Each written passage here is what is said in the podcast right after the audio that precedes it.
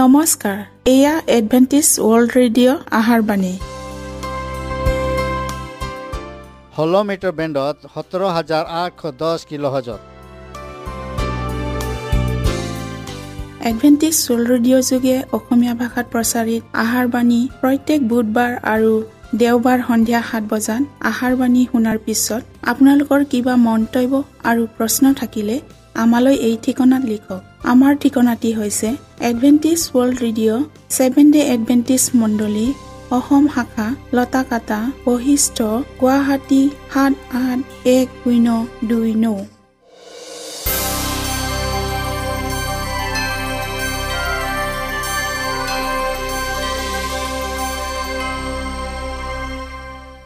প্ৰিয় শ্ৰোতা বন্ধুসকল এতিয়া শুনো আহক এটি খ্ৰীষ্টীয় ধৰ্মীয় গীত।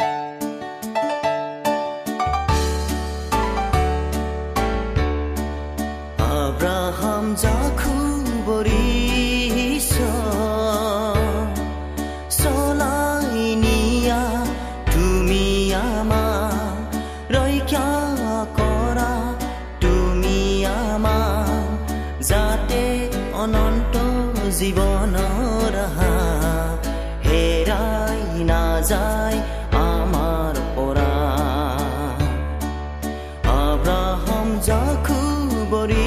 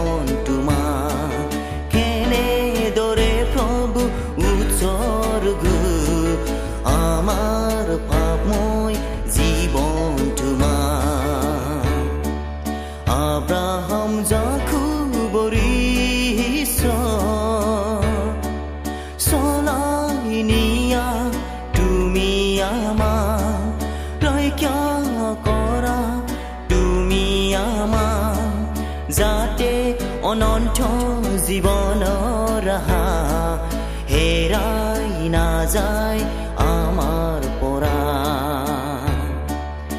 আব্ৰাহাম জাখু বৰিছ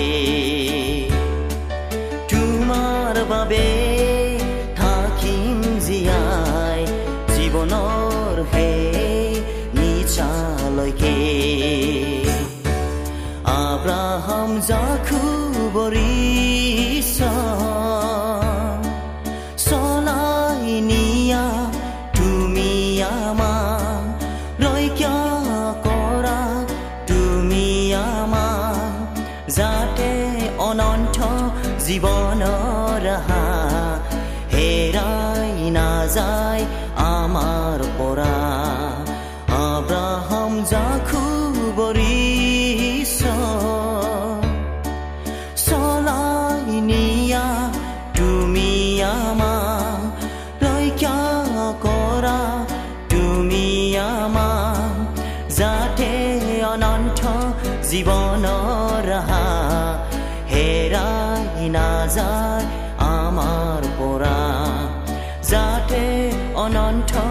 জীৱনৰ হেৰাই নাযায় আমাৰ পৰা। আব্ৰাহম জাখু বৰিছ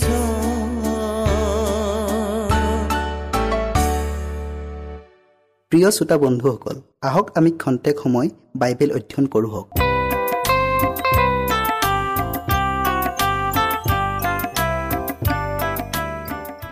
প্ৰিয় শ্ৰোতাসকল নমস্কাৰ। যোৱা অনুষ্ঠানৰ বাকী অংশ ৰাজবাট আৰু পথাৰৰ আলিলৈ ওলাই যোৱা ইয়াৰ বিশেষ বিষয়ে আমি আকৌ শুনো হওক। শাস্ত্ৰপদ লোৱা হৈছে লোক চৈধ্য অধ্যায়ৰ বাৰৰ পৰা চৌবিছ পদলৈকে। আমি প্ৰাৰ্থনা কৰোঁ হওক। সেই সৰ্বশক্তিমান ঈশ্বৰ যি হোৱা তোমাক আকৌ ধন্যবাদ দিছোঁ প্ৰভু। তুমি আমাৰ সংগে সংগে থাকা আৰু পবিত্ৰ আত্মা বাকী দিয়া যীশুৰ নামত খুজিলোঁ। আমেন। বৰ্তমান সময়তো তদ্ৰুপ অৱস্থা ঘটি আছে। ভোজৰ নিমন্ত্ৰণলৈ নানা অজুহাত দেখুৱাই আহৈ মতাৰ দৰে সুবাৰ্তাৰ নিমন্ত্ৰণো নানা চলাহী কথাৰে উপেক্ষা কৰিছে। তাহানিৰ দৰে এতিয়াও মানুহে কয় সুবাৰ্তা বা ঈশ্বৰৰ বাক্যৰ প্ৰতি সঁহাৰি জনাই জাগতিক আশা প্ৰত্যাশা আৰু চিন্তাধাৰাক বিপদাপন্ন কৰিব নোৱাৰোঁ। তেওঁলোকে দৃশ্যমান অলপদিনীয়া বস্তুবোৰক চিৰস্থায়ী বস্তুবোৰতকৈ অধিক মূল্যৱান বুলি গণ্য কৰে। যি যথাৰ্থ আশীৰ্বাদ তেওঁলোকে ঈশ্বৰৰ পৰা পাইছিল সেয়ে এতিয়া সৃষ্টিকৰ্তা আৰু উদ্ধাৰকৰ্তা আৰু তেওঁলোকৰ মাজত প্ৰতিবন্ধক স্বৰূপ হৈ পৃথক কৰিলে। তেওঁলোকক জাগতিক বিষয়বস্তুৰ ওপৰত কোনো প্ৰকাৰৰ বাধা দিয়া নহ'ব। তেওঁলোকে দয়াৰ বাৰ্তাবাসক কয় তুমি এতিয়া যাব পাৰা। সময় পালে মই তোমাক আকৌ মতাই আনিম। আন কিছুমানে আকৌ সামাজিক সম্বন্ধত বাধাগ্ৰস্ত হ'ব বুলি ঈশ্বৰৰ আহ্বান প্ৰত্যাখ্যান কৰিলে। তেওঁলোকে ইয়াকে কয় আপত্তি দৰ্শাই যে তেওঁলোকে নিজৰ আত্মীয় স্বজন আৰু চীনা পৰিচিত লোকৰ পৰা অক্ষতা ভংগ কৰিব নোখোজে। এইদৰে তেওঁলোকে দৃষ্টান্ত দেখুওৱাৰ দৰে নিজকে অকৰ্মণ্য অনুপযোগী লোক বুলি পৰিচয় দিয়ে। তেওঁলোকে মিছা অজুহাত দেখুৱাই তেওঁৰ নিমন্ত্ৰণক অগ্ৰাহ্য কৰিলে তাক ভোজৰ গৰাকীয়ে বুজি পালে। প্ৰিয় শ্ৰোতাসকল যি মানুহজনে মই বিয়া কৰিলোঁ সেয়ে মই যাব নোৱাৰোঁ বুলি কোৱাজন অধিক সংখ্যক লোকক বুজায়। এইদৰে আজিও অনেকে নিজৰ তিৰোতা বা পুৰুষবিলাকক প্ৰতিবন্ধক স্বৰূপে ব্যৱহাৰ কৰি নিজকে ঈশ্বৰৰ বাক্য শুনাৰ পৰা বঞ্চিত কৰে। গিৰিয়েকে কয় মোৰ বোধেৰে মোৰ কৰণীয় কামখিনি সিদ্ধ কৰিব নোৱাৰোঁ যিহেতু মোৰ তিৰোতাই এই বিষয়ত আপত্তি কৰে। তেওঁৰ ঘোৰ আপত্তিয়ে এই কাৰ্য কৰাত মোৰ পক্ষে যথেষ্ট কষ্ট হ'ব। একেৰূপে তিৰোতাজনীয়েও দয়াৰ আহ্বান আহা ভোজত সকলো খোৱা বস্তু যুগুত কৰা হৈছে বুলি শুনিবলৈ পায়। তেতিয়া তেওঁ বিনয় স্বৰেৰে কয় ক্ষমা কৰিব মই যাব নোৱাৰোঁ। কিয়নো মোৰ স্বামীয়েও আপোনাৰ নিমন্ত্ৰণ গ্ৰহণ নকৰিলে। কাৰণ তেওঁ অনেক ব্যৱসায়ত ব্যস্ত থাকিবলগীয়া হোৱা কাৰণে ময়ো তেওঁৰ কামত সহায় কৰিবলগীয়া হয়। এতেকে যাব নোৱাৰোঁ। নিমন্ত্ৰণৰ বাতৰি শুনি ল'ৰা ছোৱালীবিলাকেও আনন্দিত হৈছে। সেইবিলাকেও ভোজলৈ আহিব খোজে। কিন্তু পিতৃ মাতৃ নোযোৱা দেখি তেওঁলোকৰ বাধ্য হৈ সেইবিলাকেও কিবা অজুহাত দেখুৱাই শুভ বাৰ্তাৰ ভোজলৈ যোৱাৰ পৰা বিৰত থাকে। পৰিয়ালৰ মাজত যাতে ছিন্ন ভিন্ন নহয় সেই আশংকা কৰি তেওঁলোকে প্ৰভুৰ আহ্বান অগ্ৰাহ্য কৰিলে। তেওঁলোকে ভাবি লয় ঈশ্বৰৰ অবাধ্য হৈ নিজৰ নিজৰ ঘৰত সুখ শান্তি আৰু সাফল্যতা স্থাপন কৰিব পাৰিছে। এয়া তেওঁলোকৰ ভ্ৰম মাথোন আৰু যিবিলাকে স্বাৰ্থপৰতা ৰয় তেওঁলোকে স্বাৰ্থপৰতাহে দাব। কেৱল যি মানৱ প্ৰেমৰ পবিত্ৰতা আৰু স্থিৰতা দৃঢ় কৰিব পাৰে তেওঁলোকে কৃষ্টৰ সেই প্ৰেম অগ্ৰাহ্য কৰিলে। তেওঁলোকে অকল স্বৰ্গৰাজ্য হেৰুৱাব এনে নহয় কিন্তু স্বৰ্গৰ বলিদানৰ প্ৰকৃত সুখ ভোগৰ পৰাও বঞ্চিত হ'ব। ভোজৰ দৃষ্টান্তত গৰাকীজনে ক্ৰোধিত হৈ দাসজনক ক'লে তুমি বেগাই নগৰৰ আলিবাট আৰু সৰু সৰু বাটবোৰলৈ ওলাই যোৱা আৰু দুখীয়া নিচলা কোঙা অন্ধ আৰু কোৰাবিলাকক ইয়ালৈ লৈ আহাগৈ। এতিয়া ভোজৰ গৰাকীয়ে তেওঁৰ উদ্ধাৰকৰ্তা অৱজ্ঞা কৰাবিলাকক এৰি একেবাৰে দুখীয়া নিচলা গৃহহাৰা ভূমিহীনবিলাকক নিমন্ত্ৰণ কৰিলে। তেওঁৰ উদাৰতাক যিবিলাকে প্ৰশংসা কৰিব তেনে দৰিদ্ৰ আৰু ক্ষুধাতুৰ লোকক নিমন্ত্ৰণ কৰিলে। যীশুৱে কৈছে কৰ তোলা আৰু বেচাবোৰ তোমালোকৰ আগেয়ে ঈশ্বৰৰ ৰাজ্যত সোমাব। তেওঁলোকক যিমানেই দিনহীন মানুহৰ দ্বাৰাই অৱহেলিত ঘৃণনীত হৈ লেই লেই চেই চেই হ'লেও কিন্তু প্ৰেমৰ দৃষ্টিত তেওঁলোকে এতিয়াও ইমান নিজ আৰু অধম নহয়। কৃষ্টই অনাদৃত ক্লান্তিত উৎপীড়িত লোকবিলাকক আঁকোৱালি লোৱাৰ আগ্ৰহেৰে বাট চাই আছে। আন কোনো ঠাইত বিচাৰি নোপোৱা দীপ্তি আনন্দ আৰু শান্তি কৃষ্টই তেনে লোকক দিব বিচাৰে। মহাপাপী দুৰাচাৰীবিলাকে তেওঁৰ গভীৰ প্ৰেম আৰু দয়াৰ লক্ষ্য। কৃষ্টই তেনে লোকক অতি হেঁপাহেৰে আৰু আকলোৱা মৰমেৰে বিচাৰি তেওঁৰ ওচৰলৈ চপাই আনিবলৈ পবিত্ৰ আত্মা পঠাই দিয়ে। প্ৰিয় শ্ৰোতাসকল যি দাজনে দৰিদ্ৰ আৰু বিকলাংগাবিলাকক মাতি আনিলে। তেওঁ তেওঁৰ গৰাকীক আহি জনালেহি মহাশয় আপোনাৰ আদেশমতে সকলো কাম কৰা হৈছে। তথাপিও এতিয়াও ঠাই আছে। তেতিয়া গৰাকীয়ে দাসক ক'লে মোৰ ঘৰ যেন ভৰি পৰে সেইবাবে তুমি গাঁৱৰ আলি আৰু সৰু সৰু বাটবোৰলৈ ওলাই গৈ মানুহবিলাকক উদুগাই লৈ আহা। ইয়াত কৃষ্টই যিহুদী ধৰ্মৰ সীমাৰ বাহিৰৰ জগতখনৰ ৰাজপথ আৰু গাঁৱৰ লংলুঙীয়া বাটবোৰ অৰ্থাৎ সমুদায় লোকৰ আগত শুভবাৰ্তা প্ৰচাৰৰ বিষয়ে আঙুলিয়াইছে। পৌল আৰু বাৰ্ণাবাই এই আদেশ চিৰোধাৰ্য কৰি যিহুদীবিলাকৰ আগত ঘোষণা কৰি কৈছিল। ঈশ্বৰৰ বাক্য আমি প্ৰথমে আপোনালোকৰ আগত প্ৰকাশ কৰা উচিত আছিল। কিন্তু আপোনালোকে যেতিয়া তাক অগ্ৰাহ্য কৰিলে আৰু নিজকে অনন্ত জীৱনৰ যোগ্য বুলি বিবেচনা নকৰিলে আমি এতিয়া পৰজাতিসকলৰ ফালে যাওঁ কিয়নো প্ৰভুৱে আমাক এনে আজ্ঞা দিলে।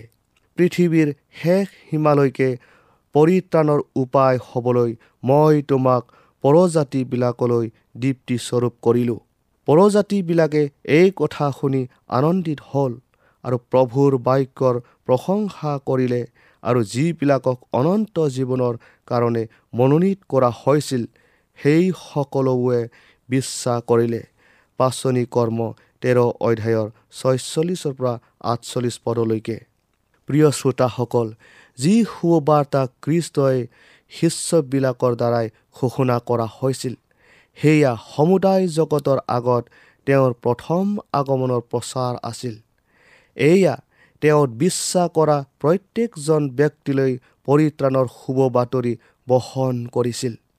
মানুহৰ আগত এই আশাৰ বাণীয়ে তেওঁৰ লোকবিলাকৰ পৰিত্ৰাণৰ অৰ্থে গৌৰৱৰে তেওঁৰ পুনৰ আগমনলৈ আঙুলিয়াই দেখুৱায় যিহেতু পোহৰৰ সন্তানবিলাকৰ সৈতে বিশ্বাস আৰু বাধ্যতাৰে যেন সমভাগী হৈ বাট চাই থাকে। খ্ৰীষ্টৰ পুনৰ আগমনৰ ওচৰ হোৱাৰ বাতৰি প্ৰচাৰৰ সৈতে সামঞ্জস্য ৰাখি বৰ্তমান যুগৰ মানৱলৈ এই বাৰ্তা প্ৰেৰণ কৰা হৈছে। স্বয়ং খ্ৰীষ্টই তেওঁৰ পুনৰ আগমনৰ চিনসমূহ ঘটি সিদ্ধ হোৱা আৰু ঈশ্বৰৰ বাক্যৰ শিক্ষাৰ দ্বাৰাই আমি জানো তেওঁ দুৱাৰ দলি পালেহি। জোহন প্ৰকাশকে খ্ৰীষ্টৰ দ্বিতীয় আগমনৰ ঠিক আগতে সুবাৰ্তাৰ বাণী প্ৰচাৰ আগতীয়াকৈ হোৱাৰ ঘোষণা কৰিছে। তেওঁ দৰ্শনত বহুত ওপৰত আকাশৰ মাজেদি আন এজন স্বৰ্গদূতক উৰি পৰা দেখিলে। পৃথিৱীত নিবাহ কৰা সকলো জাতি পেইট ভাষা আৰু লোকৰ আগত ঘোষণা কৰিবৰ অৰ্থে তেওঁৰ লগত এটি অনন্তকলীয়া সুবাৰ্তা আছিল। তেওঁ বৰ মাতেৰে ক'লে ঈশ্বৰক ভয় কৰা আৰু মহত্বৰ প্ৰশংসা কৰা হওক। কিয়নো তেওঁৰ মনুষ্য জাতিত সোধ বিচাৰ কৰিবৰ সময় উপস্থিত হ'ল। যিজনাই স্বৰ্গ পৃথিৱী সাগৰ আৰু পানীৰ ভুমুকবোৰ সৃষ্টি কৰিলে তেওঁৰ আৰাধনা কৰা প্ৰকাশিত বাক্য চৈধ্য অধ্যায়ৰ ছয় আৰু সাত পদত। প্ৰিয় শ্ৰোতাসকল ভাৱবাণীৰ সোধ বিচাৰৰ সতৰ্কৰ সৈতে সংযোজিত বাৰ্তাৰ পাছতে মেঘ ৰথেৰে মানুহৰ পুত্ৰৰ আগমন হ'ব। খ্ৰীষ্টৰ আগমন নিচেই ওচৰ ইয়াক সোধ বিচাৰৰ ঘোষণাই প্ৰকাশ কৰে। আৰু এই ঘোষণাতে অনন্তকলীয়া সুবাৰ্তা বুলি কোৱা হয়। সেয়ে খ্ৰীষ্টৰ দ্বিতীয় আগমনৰ প্ৰচাৰ এই সুবাণীৰ অপৰিহাৰ্য অংশ বুলি প্ৰকাশ কৰে।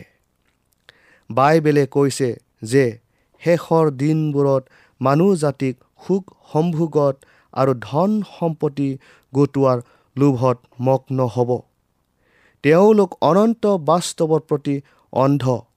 খ্ৰীষ্টই কৈছে কিন্তু নোহৰ দিন যেনে মানুহৰ পুত্ৰৰ আগমনো তেনে হ'ব। কিয়নো জলপ্লাৱনৰ আগিয়ে নৌ জাহাজত সুমোৱা দিনলৈকে যেনেকৈ মানুহবিলাকে ভোজন পাণ কৰি বিয়া কৰি বিয়া দি আছিল আৰু জলপ্লাৱন আহি সকলোকে উটুৱাই নিয়ালৈকে জ্ঞান নাপালে সেইদৰে মানুহৰ পুত্ৰৰ আগমন হ'ব। আজিও সেই একেই অৱস্থা যেন ঈশ্বৰ নাই স্বৰ্গ আৰু পৰকাল নাই। এই ভাৱেৰে মানুহবিলাকে স্বাৰ্থপৰতাত প্ৰবৃত্ত হৈ নিজ লাভালাভৰ বাবে ইফাল সিফাল লৰা টপৰা লগাইছে। নোহৰ দিনত জলপ্লাৱনৰ দ্বাৰাই মানুহবিলাকক আকস্মিক ভয় দেখুৱাই তেওঁলোকক কুকৰ্মৰ প্ৰতি অনুতাপ কৰিবলৈ সতৰ্ক কৰিছিল। সেইদৰে খ্ৰীষ্টৰ আগমনৰ পূৰ্বে কুকৰ্মত লিপ্ত হৈ থকা মানুহবিলাকক অনুতাপ কৰিবৰ অভিপ্ৰায়েৰে জাগৃত কৰা হৈছে। মানুহবিলাকে অনন্তকালৰ বাস্তৱক উপলব্ধি কৰি প্ৰভুৰ ভোজৰ নিমন্ত্ৰণলৈ মনোযোগ দিয়ে এই বিষয়ে জাগৰি কৰাই ইয়াৰ মুখ্য উদ্দেশ্য। প্ৰিয় শ্ৰোতাসকল সমগ্ৰ বিশ্ব সকলো জাতি ফেইট ভাষা আৰু লোকৰ প্ৰতি সুবাৰ্তাৰ নিমন্ত্ৰণ দিয়া হৈছে। শেষ সতৰ্ক আৰু দয়াৰ বাণীয়ে সমগ্ৰ বিশ্বখনে ইয়াৰ গৌৰৱেৰে ক্লেশযুক্ত কৰিব লাগে। এই বাণী ধনী দুখীয়া উচ্চ নিজ আটাই মানুহৰ আগত প্ৰচাৰিত হওক। বেগাই নগৰৰ আলিবাট আৰু সৰু সৰু বাটবোৰলৈ ওলাই যোৱা। কৃষ্টই কৈছে মানুহবিলাকক উদগাই লৈ আহা মোৰ ঘৰ যেন ভৰি পৰে। সুবাৰ্তা শুনাৰ অভাৱত জগতখনত ভ্ৰষ্টতা বৃদ্ধি পাইছে। নাইবা ঈশ্বৰৰ বাক্যৰ আকাল ঘটিছে। অতি কম সংখ্যক লোকেহে মানুহৰ শিক্ষাৰে মিহলি নোহোৱা বাক্য প্ৰচাৰ কৰে। মানুহৰ হাতে হাতে বাইবেল শাস্ত্ৰখন আছে যদিও ঈশ্বৰে তেওঁলোকক দিব বিচৰা বৰৰ পৰা বঞ্চিত হৈ আছে। সেয়ে ঈশ্বৰে তেওঁৰ বিশ্বস্ত দাহবিলাকক আমন্ত্ৰণ কৰি লোকসমূহৰ আগত তেওঁৰ বাণী প্ৰচাৰৰ ভাৰ অৰ্পণ কৰিছে আৰু যিবিলাকে নিজ নিজ পাপতে মগ্ন হৈ ভ্ৰষ্ট হৈছে তেনেকুৱা লোকবিলাকৰ আগত অনন্তকলীয়া জীৱনময় বাক্য ঘোষণা কৰিবই লাগিব। প্ৰিয় শ্ৰোতাসকল খ্ৰীষ্টৰ যিসকলক তেওঁৰ পৰিচৰ্যাৰ অৰ্থে মনোনীত কৰিছে তেওঁলোকে খ্ৰীষ্টৰ আদেশ শিৰোধাৰ্য কৰি হেৰুৱাবিলাকক নগৰৰ ৰাজপথ আৰু গাঁৱৰ লুংলুঙীয়া পথবোৰত বিচাৰি যাবই লাগে যিহেতু সমগ্ৰ বিশ্বখনেই তেওঁৰ পৰিচৰ্যাৰ ক্ষেত্ৰ আৰু আটাই মানৱ পৰিয়ালে এটা দলৰ সমষ্টি। প্ৰত্যেকজনৰ অনন্তৰ তেওঁৰ অনুগ্ৰহ বাক্য ভেদ কৰিব পাৰে। প্ৰভুৱে এনে বাঞ্ছা কৰে। এক বৃহৎ প্ৰচাৰৰ সমাধানৰ বাবে এজনীয়া বা ব্যক্তিগত পৰিশ্ৰমেই যথেষ্ট। এয়াই খ্ৰীষ্টৰ কাৰ্যপন্থা আছিল।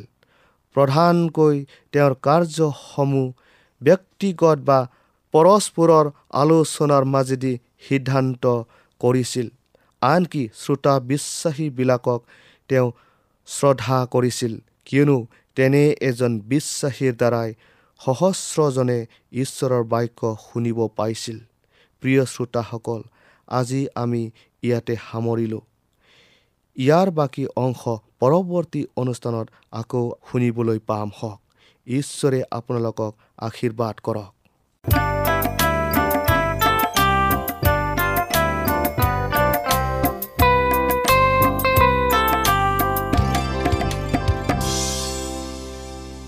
ইমানপৰে আমি বাইবেল অধ্যয়ন কৰিলোঁ। এতিয়া আকৌ শুনো আহক এটি খ্ৰীষ্টীয় ধৰ্মীয় গীত।